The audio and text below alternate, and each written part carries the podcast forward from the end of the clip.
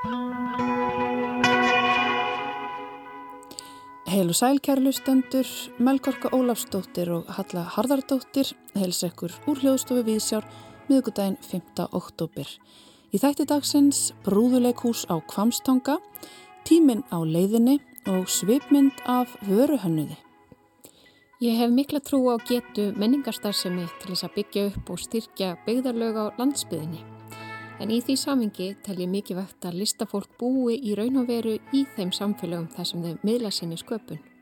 Þannig virkar jákvæð menningardrifin byggðathróun. Þetta segir Greta Kloff, listrætt stjórnandi brúðuleikursins Handbendi sem staðsett er á Kvamstanga í vestur húnaþingi. Handbendi er eina starfandi atvinnuleikhúsið á Norrlandi vestra og hlaut árið 2021 Eirarósina viðurkenningu listaháttíðar til framúrskarandi menningaverkefnis utan höfuborgarsvæðisins. Greta kemur í hljóðstofu hér rétt á eftir og segir nánar frá brúðleikúsinu og brúðleikús háttíð sem framfyrir á kvamstanga um helgina. Vöruhannurinn Björn Steinar Blúmenstein uppgötuð á ferðalagi um nýlistasöfn Evrópu að stefnan er þið tekinn á einhvers konar skapandi greinar.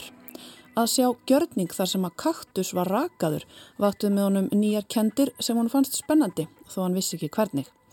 Nokkrum árum síðar útskrifaðist hann sem vöruhönnuður frá Listháskóla Íslands með sterka sín og mikla umhverfis meðvitund. Að leita lausna og gera ferlið á baku framleiðslu sínilega er rauður þráður í hans hönnun en í dag reykur hann fyrirtækið Plastplan sem meðal annars býr til nýja hluti úr gömlu plasti. Björn Steinar er gestur okkar í svipmyndagsins, hann kemur með tónlist með sér og endar að sjálfsögða því að svara nokkrum spurningum af prúst spurningalistanum. Í vor sendi Steinun Siguradóttir frá sér ljóðubókina Tímin á leiðinni. Þetta er ellefta ljóðubók hennar og meginstefið er sjálfur tímin sem getur verið ímist gjöfull eða grimmur. Kynnslóðir koma og fara, ástíðir, upphaf og endalokk eins og segir á bókakápu. Gauti Krismarsson rínir í tíman á leiðinni í þætti dagsins. En við byrjum á menningardrifinni byggðathróun og brúðuleikúsi sem að rætur að reykja til Kvamstanga. Greta Klaff, þú sérð um handbendi brúðuleikús. Getur þú sagt mér aðeins frá handbendi? Já, ok. Handbendi brúðuleikús er fyrirtæki mitt í Kvamstanga og ég var að setja þetta upp þegar ég kem til Kvamstanga til Ísland frá London. Í London ég var að læra í leiklistaskóla og ég var leikari fyrir margir ár í London og gera stóru verkefni, lítil verkefni á útvarp, sjónvarp, alls konar leikhús og ég var aftur að vinna í brúðarleikhús. Og ég var að hugsa meira og meira bara að setja upp bara brúðarleikhús sjálfur. Og ég var að gera þetta í, í London, ég var að setja upp brúðarleikhús sem heitir Old Saw. Og er að vinna oft með Little Angel Theatre í London. Og svo flytja okkur til Ísland og, og til Kvamstanga og ég var að setja upp nýtt brúðleikhús þarna Greta segir mér að einn aðalástæðan fyrir því að hún flutti til Íslands var að hann langaði sérstaklega til að vinna í afskektu landsbyðarsamfélagi. Þegar hún kláraði meistragráðu í London sérhæði hún sig í því sem hún kallar jákvæða menningardryfna byggðarþróun eða á ennsku Culture-led Rural Rejuvenation.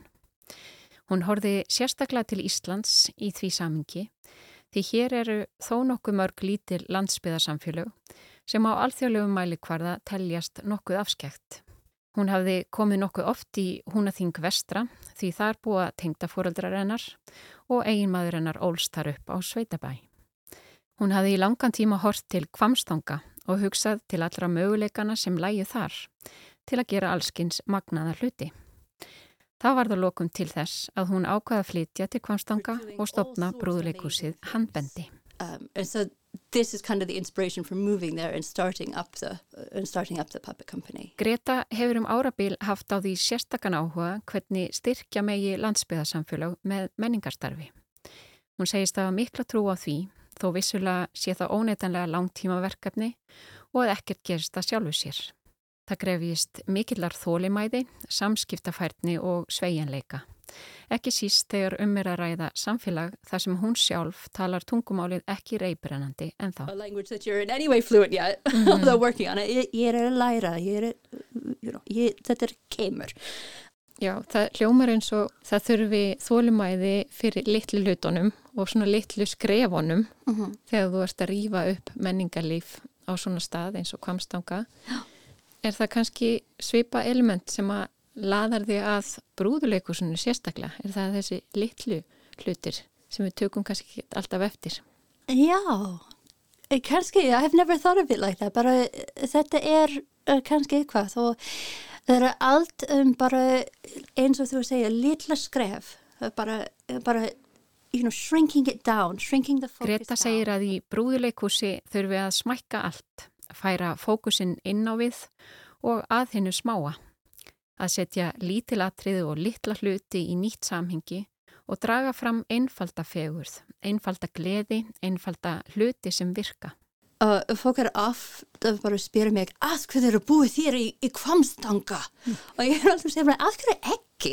Greta segir að fólk verði stundum hissa á því að hún hafi valið að búa á kvamstanga. En hún skilja ekki alveg af hverju því þar sé allt sem hún þarnast. Mögulega sakni einhver þess að geta færið út að vestla född en það sé þá bara hægt að gera það á netinu.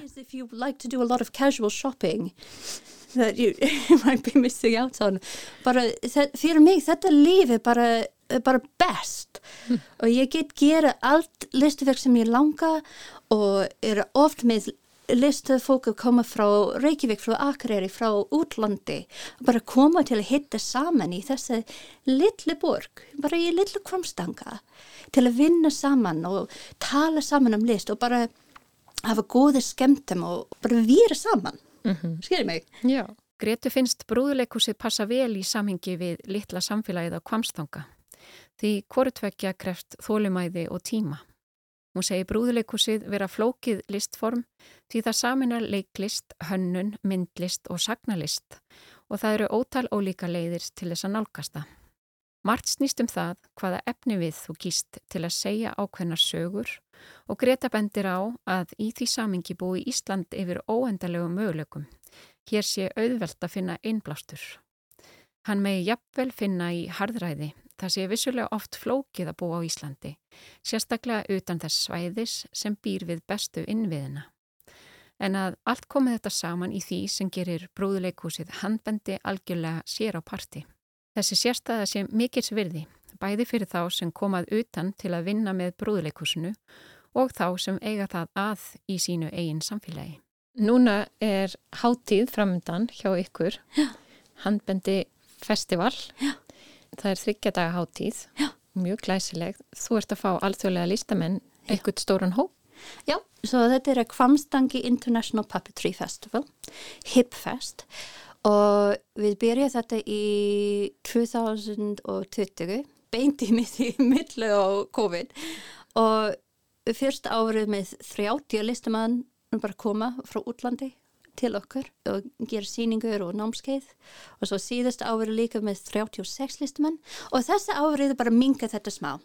Og þessi árið með 12 listumann koma, þetta eru 5 síningu og 5 námskeið líka. Og, og þau eru komið frá Spáni, Japan, uh, Slovakia, uh, Gríkland, Breitland og líka Ísland.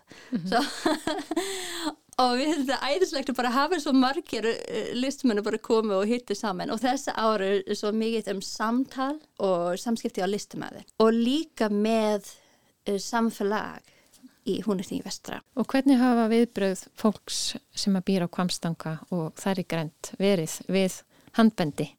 Já, þetta er alltaf bara smá, smá slow burn. Þetta er bara, ég held, for me...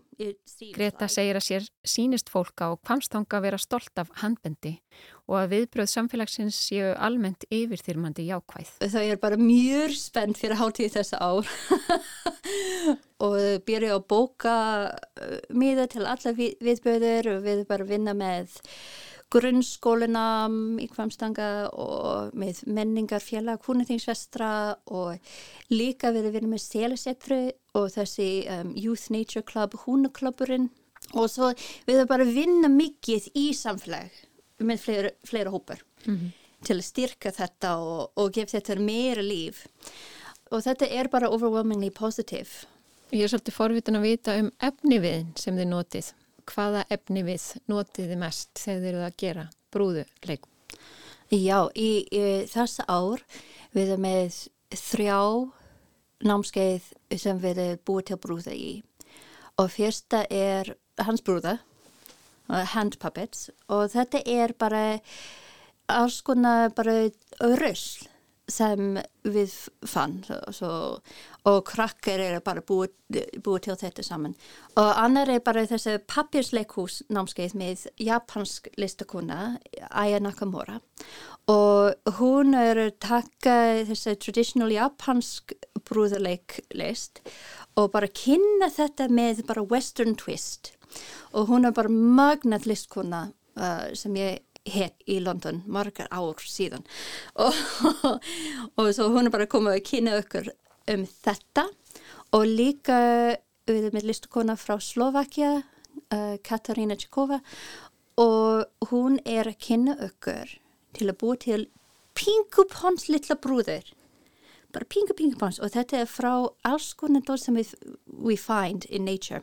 Það er skjel og trýr og blóm og alls konar og hún er bara magnað magnað þessi brúður sem hún er búið til að bara pff, mind-blowing mm.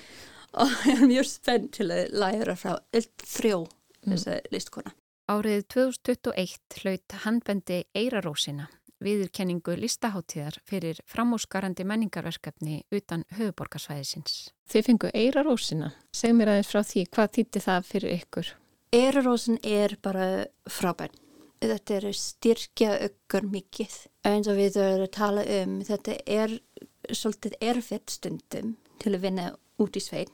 En til að hafa þetta er bara, þetta er bara að lifta ykkur smá. Greta segir að Eirarósin hafi aukið sínileika handbendis til muna og verið mikilvæg viðurkenning, ekki bara fyrir alþjóðlegu handbendi hátíðina, heldur fyrir starfseminna í heilsinni.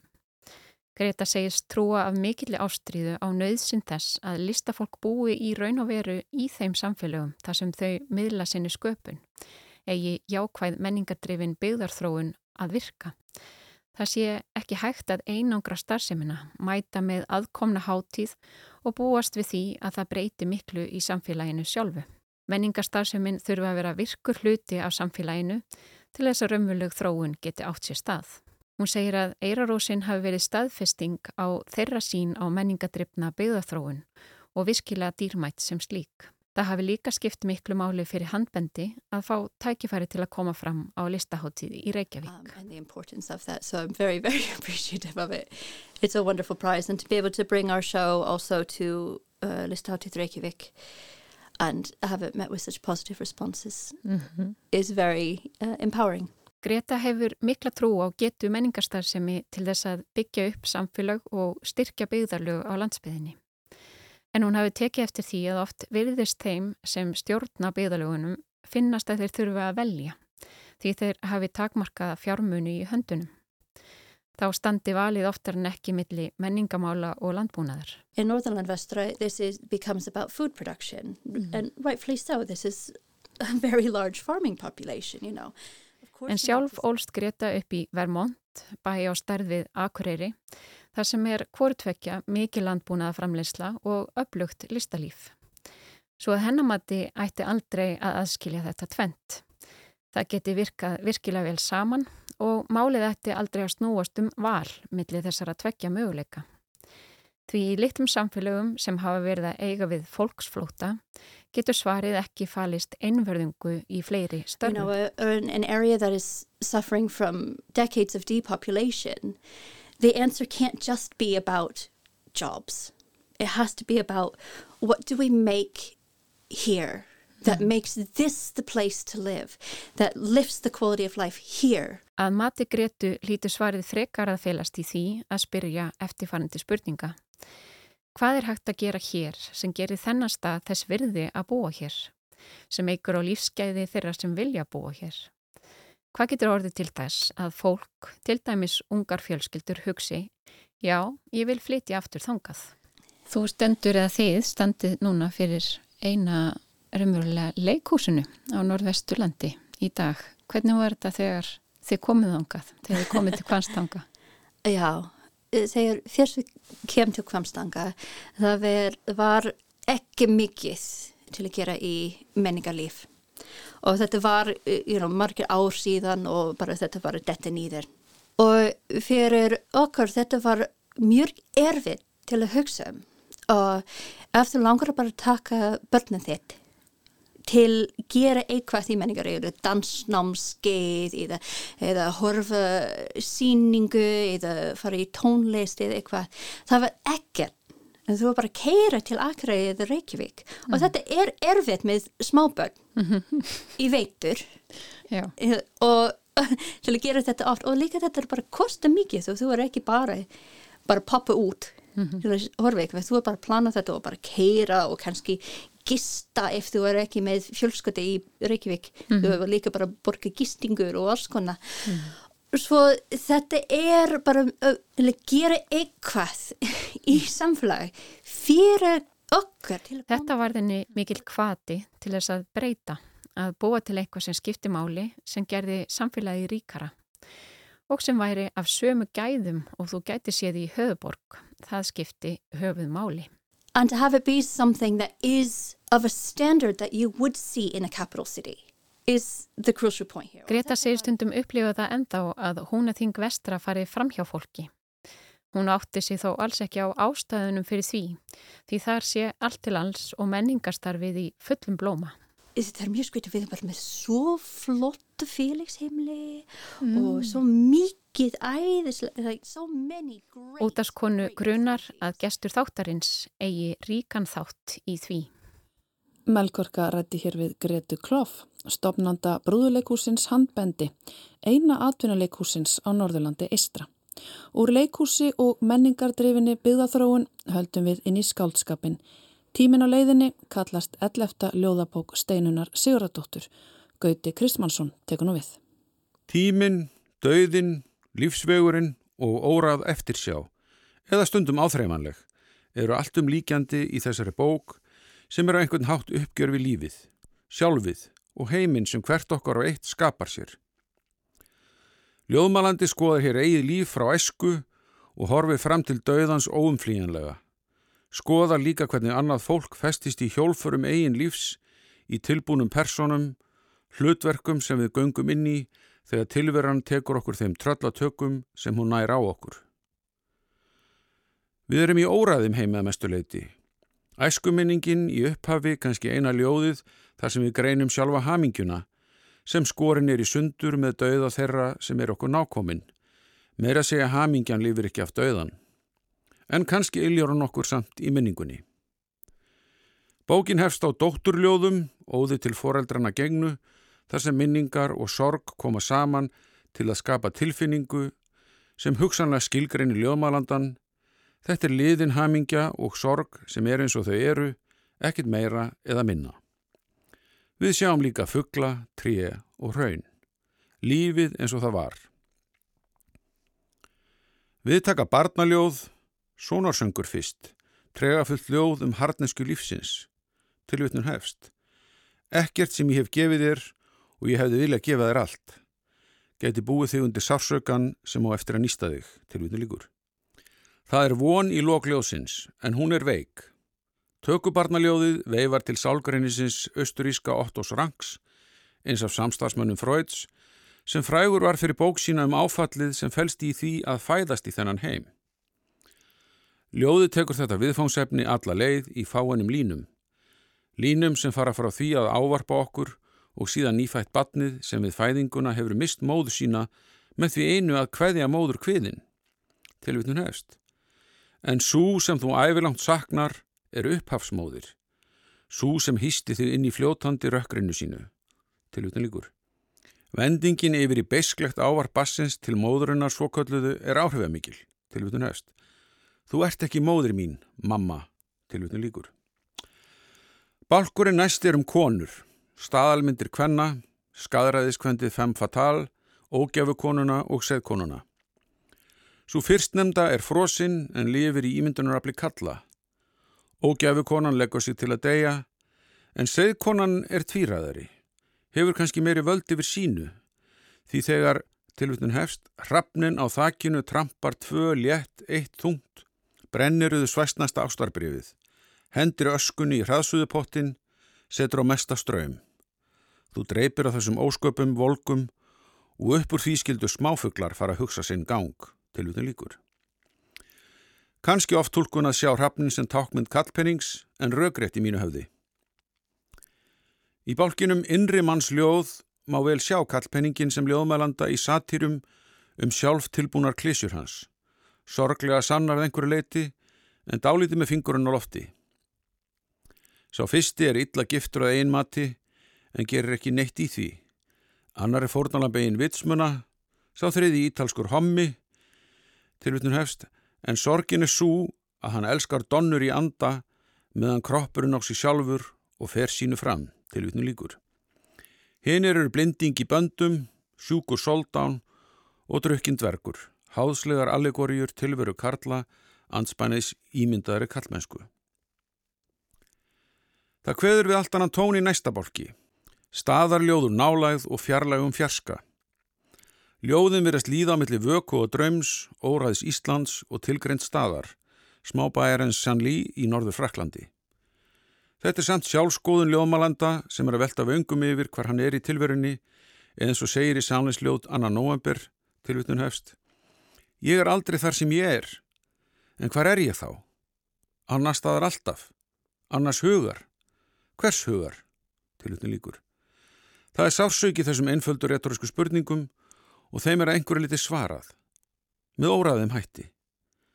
Ljóðmalandi kemst meira segja að því undir lokin að hann sé á unaðstað tilvöndun hefst. Unaðstað þar sem ég er ekki og þó tilvöndun líkur.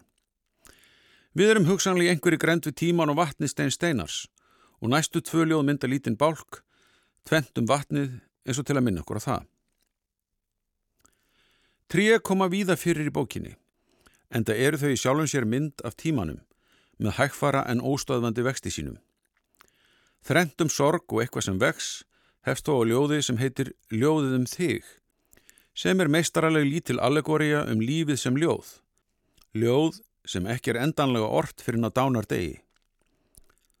Ljóður rjóður er um sorgina sjálfa, hvert hún getur farið með okkur, en það síðasta í þessum bálki, það sem vex, er bjart síðna en mörg önnur, leitar að fögnuði lífsins í trjánum sem vaksa.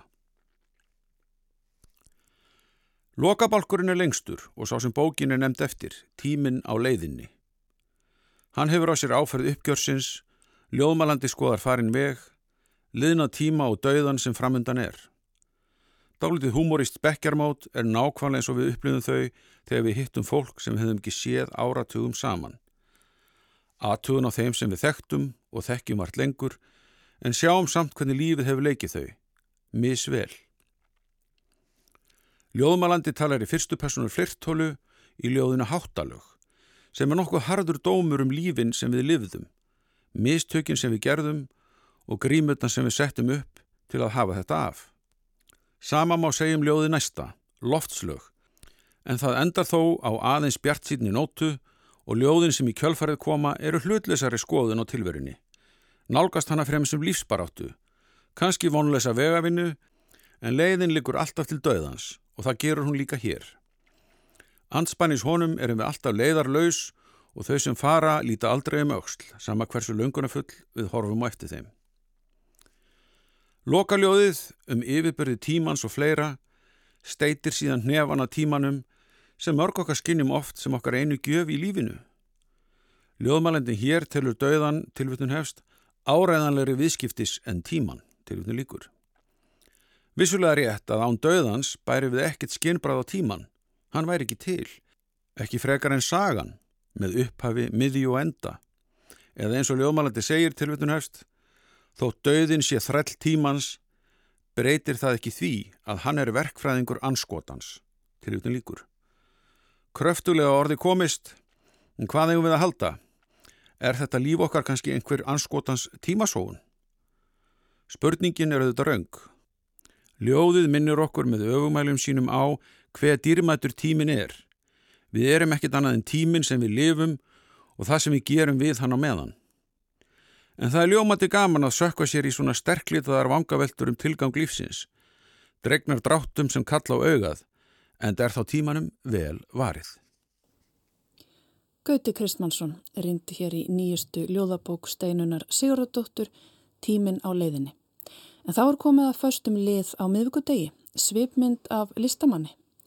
Að þessu sinni er það vöru hönnuðurinn Björn Steinar Blúmenberg sem kemur með sína tónlist og hugmyndir í hljóðstofu.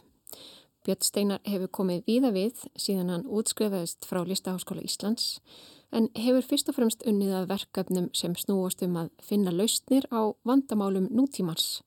Til dæmis að finna nýtt hlutverk fyrir matarafganga, skóunitjar og plast. Heyrum fyrsta lægið sem Björn valdi.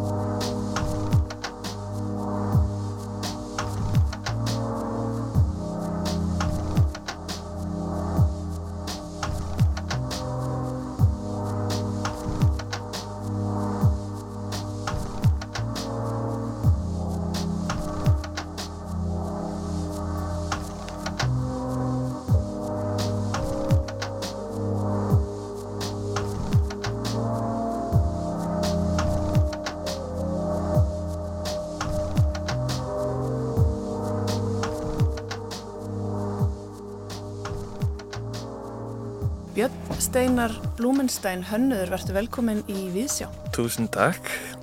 Hvaða lag voru að hlusta? Við vorum að hlusta á A Kid for Today, Boards of Canada og bara stórskjöntilegt lag að mínu, mínu mati. Ég vonaði að notið þess að og ég. Er þetta lag sem þú hlustar á þegar þú ert að vinna eða hvernig tengist þetta lag þér?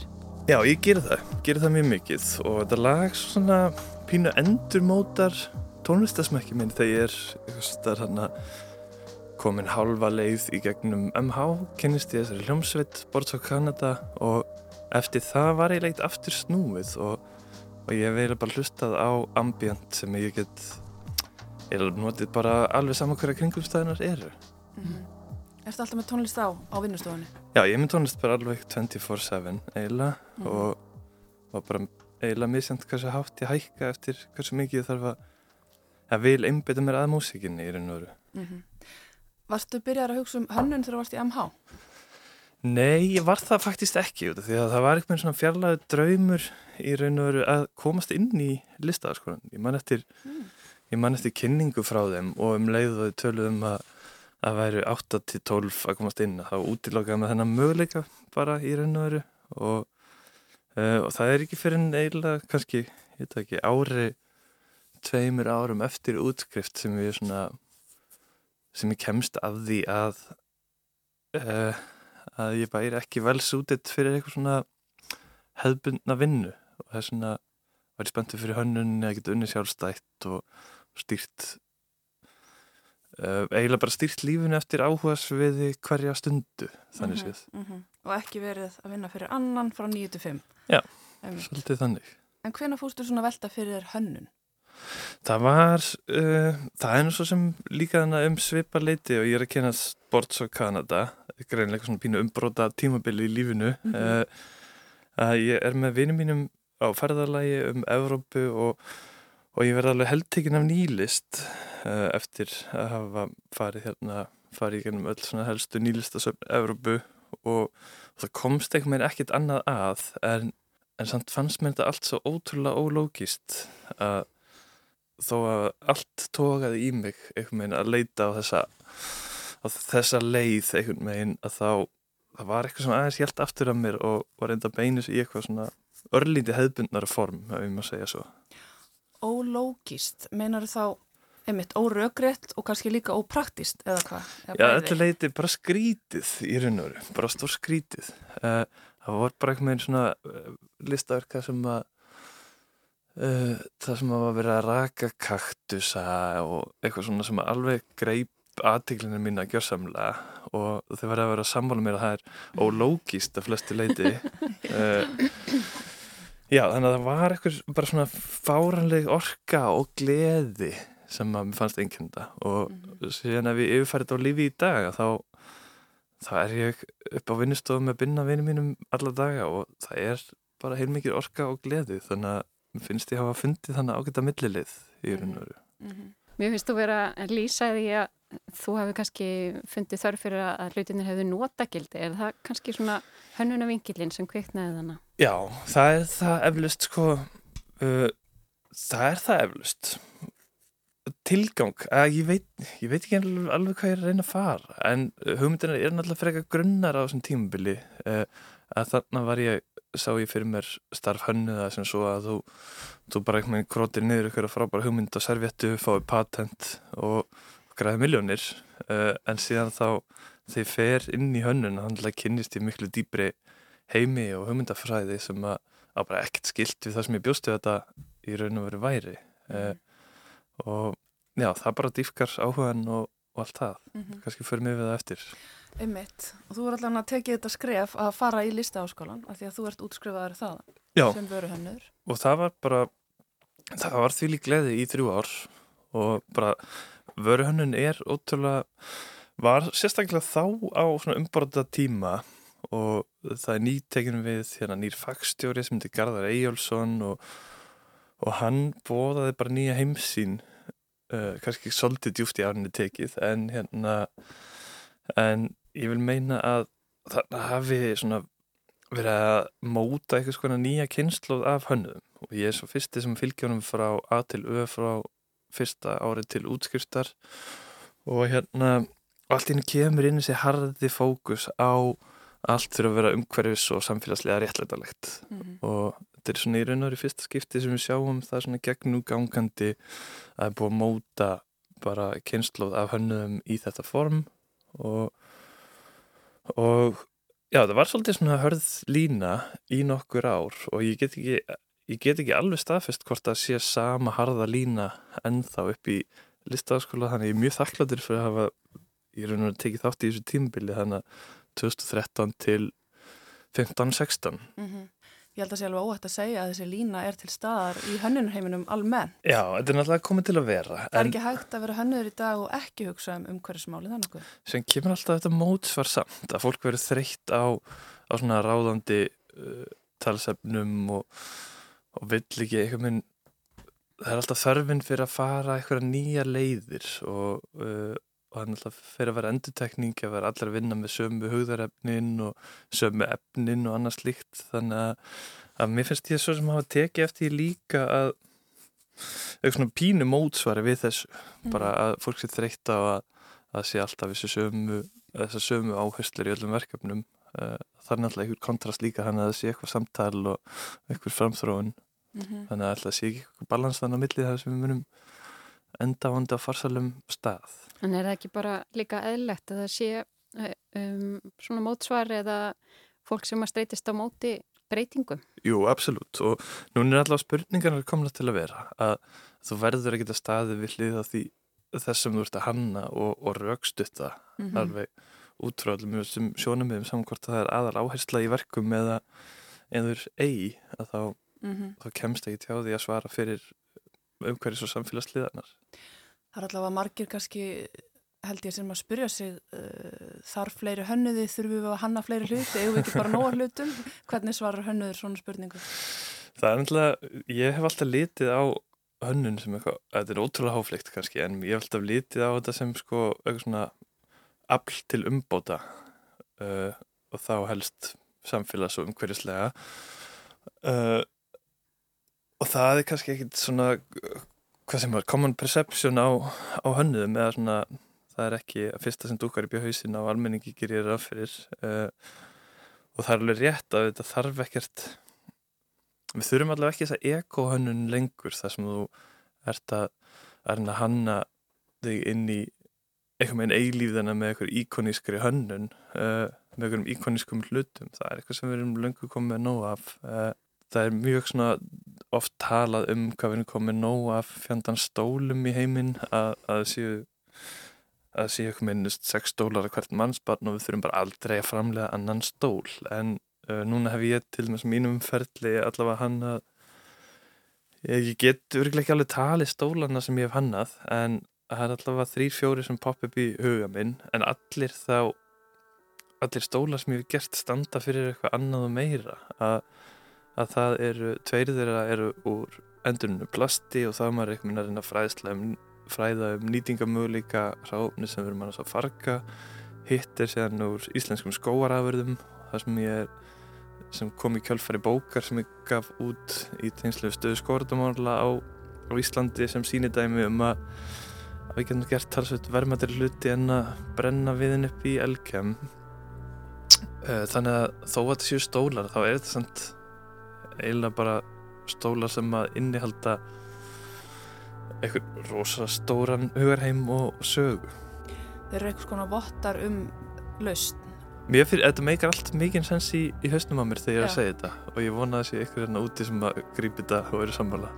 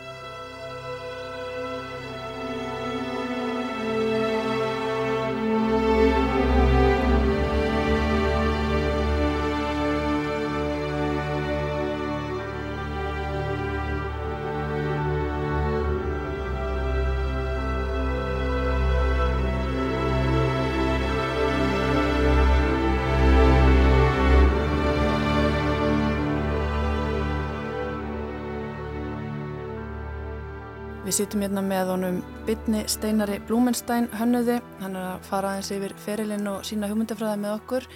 Hvað laga þetta? Processing Unit EBM 1401 held ég að heiti eftir hann Jóhann Jóhannsson af samnefndir plötu og ég og veru bara saman ég var að tala um áðan svona ambíans sem að maður getur verið með í gangi dögunum saman án þess að taka eftir eða alveg dýft sér að bóla kafi það er alveg Mhm. dásanlegt. Við vorum að tala um áðan uh, svona þínar hugmyndir um hönnun og, og svona hvernig umhverfismeðvitund er kannski þráður í flestu sem þú gerir og svona að finna lausnir við eitthvað skona vandamálum og vorum aðeins byrjuð að snerta hérna á skóarnitjum og, og svona einhverjum hugmyndum. Þú vaktir aðtegli kannski, að ég man eftir því þú varst kannski freka nýjútskrifaðar og varst með grammetisraðanetið. Var það ekki svona eitt af þessum fyrstu verkefnum ykkar eða hvað? Þú mannst þetta því? Já, Já, hérna, hvernig kemur það til? Hvernig ég getur veit það munað ekki, til? vegna þess að ég var sjálf að spá mikið í matasóun á þeim tíma held ég. Einmitt, já, það var hérna, það var skemmtilegt verkefni og ég var að vinna það, það er uh, styrt af nýsköpunarsjóðu námsmanna rétt eftir ég útskrifast og uh, Búi Bjarmar Halstinsson, hann leiðir þetta verkefni og, og við erum svo sett, hvað, við erum fjögur saman sem erum að erum að vinna að svona típisku verkefni sem ég aðhyllist að uh, við byrjum út frá bara ykkurum fyrirfram tilgjöngdum forsendum uh, og það var bara samstarf á milli uh, sölufélag garðekjubænda og ykkurs innlends yðnar. Þetta eru fórsendunar og sem bara byrjar rannsókn og það er það sem ég finnst heitlandi í hönnun að leifa rannsóknarferðli að leiða manna eitthvað niðurstöðu uh, til mér finnst bölvað hróki fólkin í því að að gróta eitthvað dót á servéttu og að bara skella því í framleyslu út af því að, að þá getur ekki verið að taka alltaf þessa mikilvæga þætti inn í en þegar það rannsókt sem að leiði þið áfram að þá kemstu bara að einni lógiskri niðurstöðu eða mhm. kannski eru, það er náttúrulega alltaf 5-6 leiðir sem er alltaf að velja í hverju verkefni en það er alltaf vel ígrundar ákveðinu sem eru teknar mm -hmm. og þarna fóru við bara heimsóttum eins marga papriku, gúrku, sveppa, tómatabændur og, og hvað sem er um landið að reyna að koma auka á eitthvað tækifæri sem að þau kannski sá ekki eða ít ekkur þróun lengra eða, eða hvað. Uh, förum bara með opnum hug, tökum viðtal og það sem við kallum svona kortlagningu í raun og veru bara á, á þann bæði möguleikum og vandamálum og, og það er þarna sem við kynnum spónda sem heitir Guðni í reynisfjöru sem er rækta rófur og hérna uh, og bara við taka viðtal þá segir henni sen já og sen erum við að henda 800 tónnum að rófum á ári og hér er uh, hesthúsið okkar og, og þá var það ekki meina orðið svo viðtekið uh, að maður fargaði rófum út því að það var umfram framleysla ekki mikil verðmæti í þessu uh, að hans sög og þetta ekki minn alveg þannig stoppum við við og fórum að, að reikna þá ok, ef einn bóndi er að farga svona miklu, hvað er það mikið á ársgrundvelli uh, bara þvettu við landið en nú er reyndar allar svo tölusleiknar um mér ég er eitthvað aðeins að slumpa hérna. En hérna, og við komum staði eiginlega sjáum ekkit annað í stöðinni en að vinna þetta verkefni bara út frá gullráfinni þaðinni frá. Og fyrir þá sem ekki vita þá er það alveg ömulegt græmiti uh, það er bara að það gera ráðstöpp úr því. Uh, og hérna Ömulegt græmiti Nei, nei, ég sé svona en hérna Svona nýtjalega sé þá Mér finnst hún bara ekki góð. Uh, Alltaf í Evropi er þetta svínafóður en, en hér er þetta notað á þorranum og það er ekki markaður fyrir þetta fyrir utan þorran. Uh, og það er heilmikið til að þessu það sem uh, heilmikið fyrir spillis og, og bara svona greining og rannsókn leitt í ljós að hún er ótrúlega sigur mikil. Bara eitthvað það sigur mesta sem til er á Íslandi og það var þá eiginlega rannsóknin bara hvernig getum við umbreyttið sér aftur í beinan síkur eða kandifloss eða síróp eða hvað og hvað getum við sem gert með þetta? Þannig að það sem við gerðum var sér að hefja síkurfarmislu í fyrsta skipti á Íslandi og nota það síðan í jáframhaldandi þróun. Og þá fórum við samstarfið öllgerðina að þróa góstrykki þar sem við vorum þá að, að vinna með sísonal ávexti og grammiti til að gera bara eitthvað sætakóða drikki uh, og nota það síkur núl gullrófinni mm -hmm. og, og síðan fór sírópið það fór uh, lengra en ég átti vona á uh, að það var komið inn á dillið og, og hérna á grillið og hótelsögu og, og síðan senasta skrefið var að ég var virkilega hugfangin af áfengi á þessum tíma og því ég er búin að vera að partusa með að gera spýra úr ávöxtum og þá fannst mér eitthvað logist líka að nota sírupið og síkurinn til að. Þannig að þetta var einhvern veginn í raun og veru ferlið og í lok þess þá kynum við þetta bara fyrir Sölufélaginu, Sölufélagi Gargibænda sem gjur svo vel hérna er tækifæri endilega mhm. nýtið það. Mm -hmm. uh, en þetta er svona ferlið mitt sem þú ert að lýsa sem er mjög svona lýsandi fyrir þessa hönnunar hugsun sem við vorum að tala um aðan ekki satt. Jú, tvímanlust mm -hmm. og, og hérna og skemmtilegt að, að vinna svona þvert á mörg fræðisvið út í þetta þá, þá erum við að vinna með bændum við erum að vinna með uh, aðlum í mati sem eru þá ákveður mattæknisviði og, mm -hmm. og síðan fyrir þetta allir verið í umbúðir og hönnun á allt í hennu vorum við farin að bjóða doktor Gunna í smökkun á okkur gósi út í að hann helt út einhverju bloggi um það og erum bara að reyna að tengja einhverja ólíka aðeila með mismyndi þekkingu til að til að tjastla saman því besta sem hægt er úr mm -hmm. stöðinni. Og kannski um leið vekja aðtegli á málefninu að því að mér heyrst þér líka verið umhugað í þínum verkefnum um að gera sagt, þetta ferli allt sínilegt sagt, frá vöru til neytanda. Já, tímanlust og svona án þess að vera eitthvað að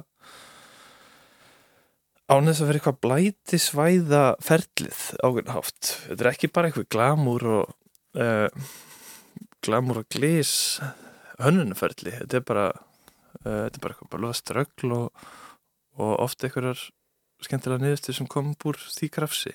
Og í raun og veru þetta er það sem við erum að læra upp í listaháskóla sem er vöruhönnur er bara að þú getur bara ef þú þjálfaði nógu fjandi vel að þá getur búið til verkefni upp úr hverju sem er sem er samt ekki tilgangslust uh, þú átt að geta fært heiminum eitthvað sem hann hefur nót fyrir. Bara svo lengi sem þú veist eitthvað trúr því sem þú trúir á og, og stendur fyrir og, og bara gefst ekki upp eitthvað meginn Við getum talað um svo mörg verkefni, það er svo margt áhugavert sem að þú hefur verið að vinna í en við skulum reyna að nýta tíman líka til að heyra það sem þú ert að gera akkurat núna og heyra af plastplani. Það er búið að eiga ansi stóran hluta af lífin mínu núna frá 2019 og uh, átti í raun og veru aldrei að verða svona stort og mikið. En hérna uh, þess að stopnaði með, með bestafinu mínum sem hefði binni og við erum bara dagstæðilega í, í plasti sem er ekkert svo hérna ólíklegt í raun og veru því að eftir að ég útskrifst úr listaskólanum að þá fer ég til Hollands að sér hafa mig í plastendurvinnslu hjá samtökum sem heita Precious Plastic. Og ég er þar í eitthvað sjö mánuði uh, og kem síðan heim og ég ger svona búin að fá nóg af plasti alltaf aldrei að snertið aftur. Og, og síðan eftir eitthvað mánuði að þá hérna dúkar einhvern veginn upp þörfin aftur til að gera eitthvað í þessu vandamáli. Og, og hérna og ég dreg hann binna vinn minn með mér niður í svaðið.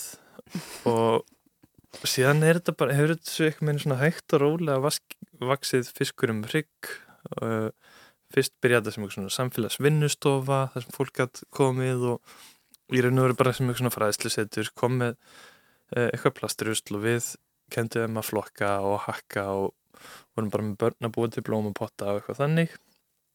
En síðan komist að því að til þess að raunverulega standa að eitthvað endvinnslu uh, að þá þyrtum við að stækka skalan uh, út af því að, að við þurfum uh, við þurfum eiginlega að standa framlistin nýra nýtjarluta til þess að það teljist sem raunverulega endurvinnsla. Og því ef ég bara þrýf og hakka plastið þá siti bara eins og ormur að gulli á ógislega mikið hökkuðu plasti sem að gera ekkit gott fyrir neyrin en á meðan við náum að standa að vörð þrón og framleysla nýjum afverðum úr þessu endurina plasti að þá kemst það aftur í samfélagi við náum að fræða um bara ringrás og endur nýtanleika plastefna sem má sér náttúrulega heimfara yfir á bara vel flest mm. og já, ekki mér svona að reyna að breyða út þetta blessa fagnar erindi og mm. þannig að við hófum samstarf við alls konar fyrirtæki og þau eru fjölbreytt eins og þau eru mörg og við erum sér þá að sækjum plast til þeirra í hverju viku flokkum, þrýfum, hönnum sér nýja hluti, framleiðum og skilum saman plasti tilbaka mm -hmm. það er raun og verið þetta mótel sem hefur verið svona grunnforsendan en, en síðan höfum við alltaf sveikt meira og meira í átt að eh, eigin þróun sem er leiðis þannig að við hönnum og þróum mikið af, af velum og höfum notið mjög góðar aðstofa við það Velum til að búa til hluti þá? Já, við höfum byggt alla velunar til endurverðum plastið sjálfur og hérna margar af þeim höfum við sömulegð hannað uh, og það er til dæmis hérna ótrúlega merkileg vel í raunhóru það er svona yðnar þrývitaprentari reysastórt apparat uh, sem að prentar beint úr endurinu plasti. Það er bara að hakka, hakka póka okkur dót, hendi í prentaran og get prenta stól eða kajak eða hvað sem er út. Þannig er þess að stór og við erum, um þessa myndir erum við að þróa útgáðunum með tvö af því. Uh, búin að kaupa okkur svona velmenni eða robotarm til þess að bara eitthvað minn standa að framþróun og það er það sem okkur finnst gaman í þessu að að gera alltaf betri afurðir og betri velar til þess að geta endurunnið meira betur og hraðar. Við erum að þró okkar einn húsgagnalínur og, og verkefni eins og sapnið höfustöðin upp á Artúnsvaldi. Emitt. Þið tóku þátti að hanna bara umhverfið þar auk þess að gera húsgagn, ekki sett? Jú, hann er það með hérna vinið mínum frá, frá Pólandi, honum Ivo Borgovits uh, reyndar úr fjarlæð þannig að hann já, við leitum hönna saman frá Postnan og, og Reykjavík og, og sen er þetta allt framlegt hjá út á Granda. Það ljómar eins og þetta sé mikil vinna og, og þetta er alveg ferli frá A til Ö. Þetta er það já. og þetta er hérna, þetta getur því orðið fjandi líjandi en þá er eiginlega bara mikilvægt að vera með fleiri verkefni og hugðarefni til þess að eitthvað með afvegalega mann smá þegar maður er komin alveg nóg af blessu plastinu. Mm. þú sagði ráðun að þú hefur verið svo þreyttur á plastinu og ætlar aldrei að snerta aftur en svo hefði eitthvað vaknað. Er það þessi, hefur þið svona sterka umhverfisvitund? Já, tímalust og, mm. og hún eikst náttúrulega bara með hverju árinu því miður. Vandamálinn þau eru komin til að vera og það er bara okkar ábyrða að retta málunum og ábyrgin er mikil, við erum komið með, með börnum að vera ekki tryggt um eitthvað farsala framtíð. Uh, já, ég mun alltaf að halda áfram að vinna bara í verkefnu sem ég raunverulega get trúað á og verið stoltur af til lengri tíma. Ljómar er svo gott plan. Við erum að klára tíman þannig að við ætlum að fá að spyrja þig þryggja spurninga af próst spurningalistanum eins og vorum búin að varaði við. Hvað er með það? Fyrsta spurningin. Hvaða deyð er ofmetin? Vinnusemi, er það deyð? Já. Er það ekki? Mjög, mjög gott og íslenskt svar. Já. Já. Vinnusemi. Hvað er næsta? Áttu það til að plata? Já, alveg tímanlust. Í ykkur sérstaklega aðstæðum eða? Bara að tala allt sem ég geri upp, þannig að það hljóma sem best. Já. Og þá er það síðasta. Hvað er hamingja? Fjölskylda, held ég. Þú veist ekki lengi að svara þessu. Nei. Björn Steinar Blúmenstein, takk fyrir að vera með okkur hérna í Viðsjá. Við ætlum að enda á síðasta læginu og kannski segja okkur hvaða lag þetta er. Já, þetta er lagið A in My Face uh, frá tónlistamannum The Field og ef ég virkilega þarf að klára einhver hönnaverkefni þá er það þetta lag sem kemur yfir, yfir enda línuna. Og með þessu lagi ljúkum við þætti dagsins. Takk fyrir að hlusta og verið sæl.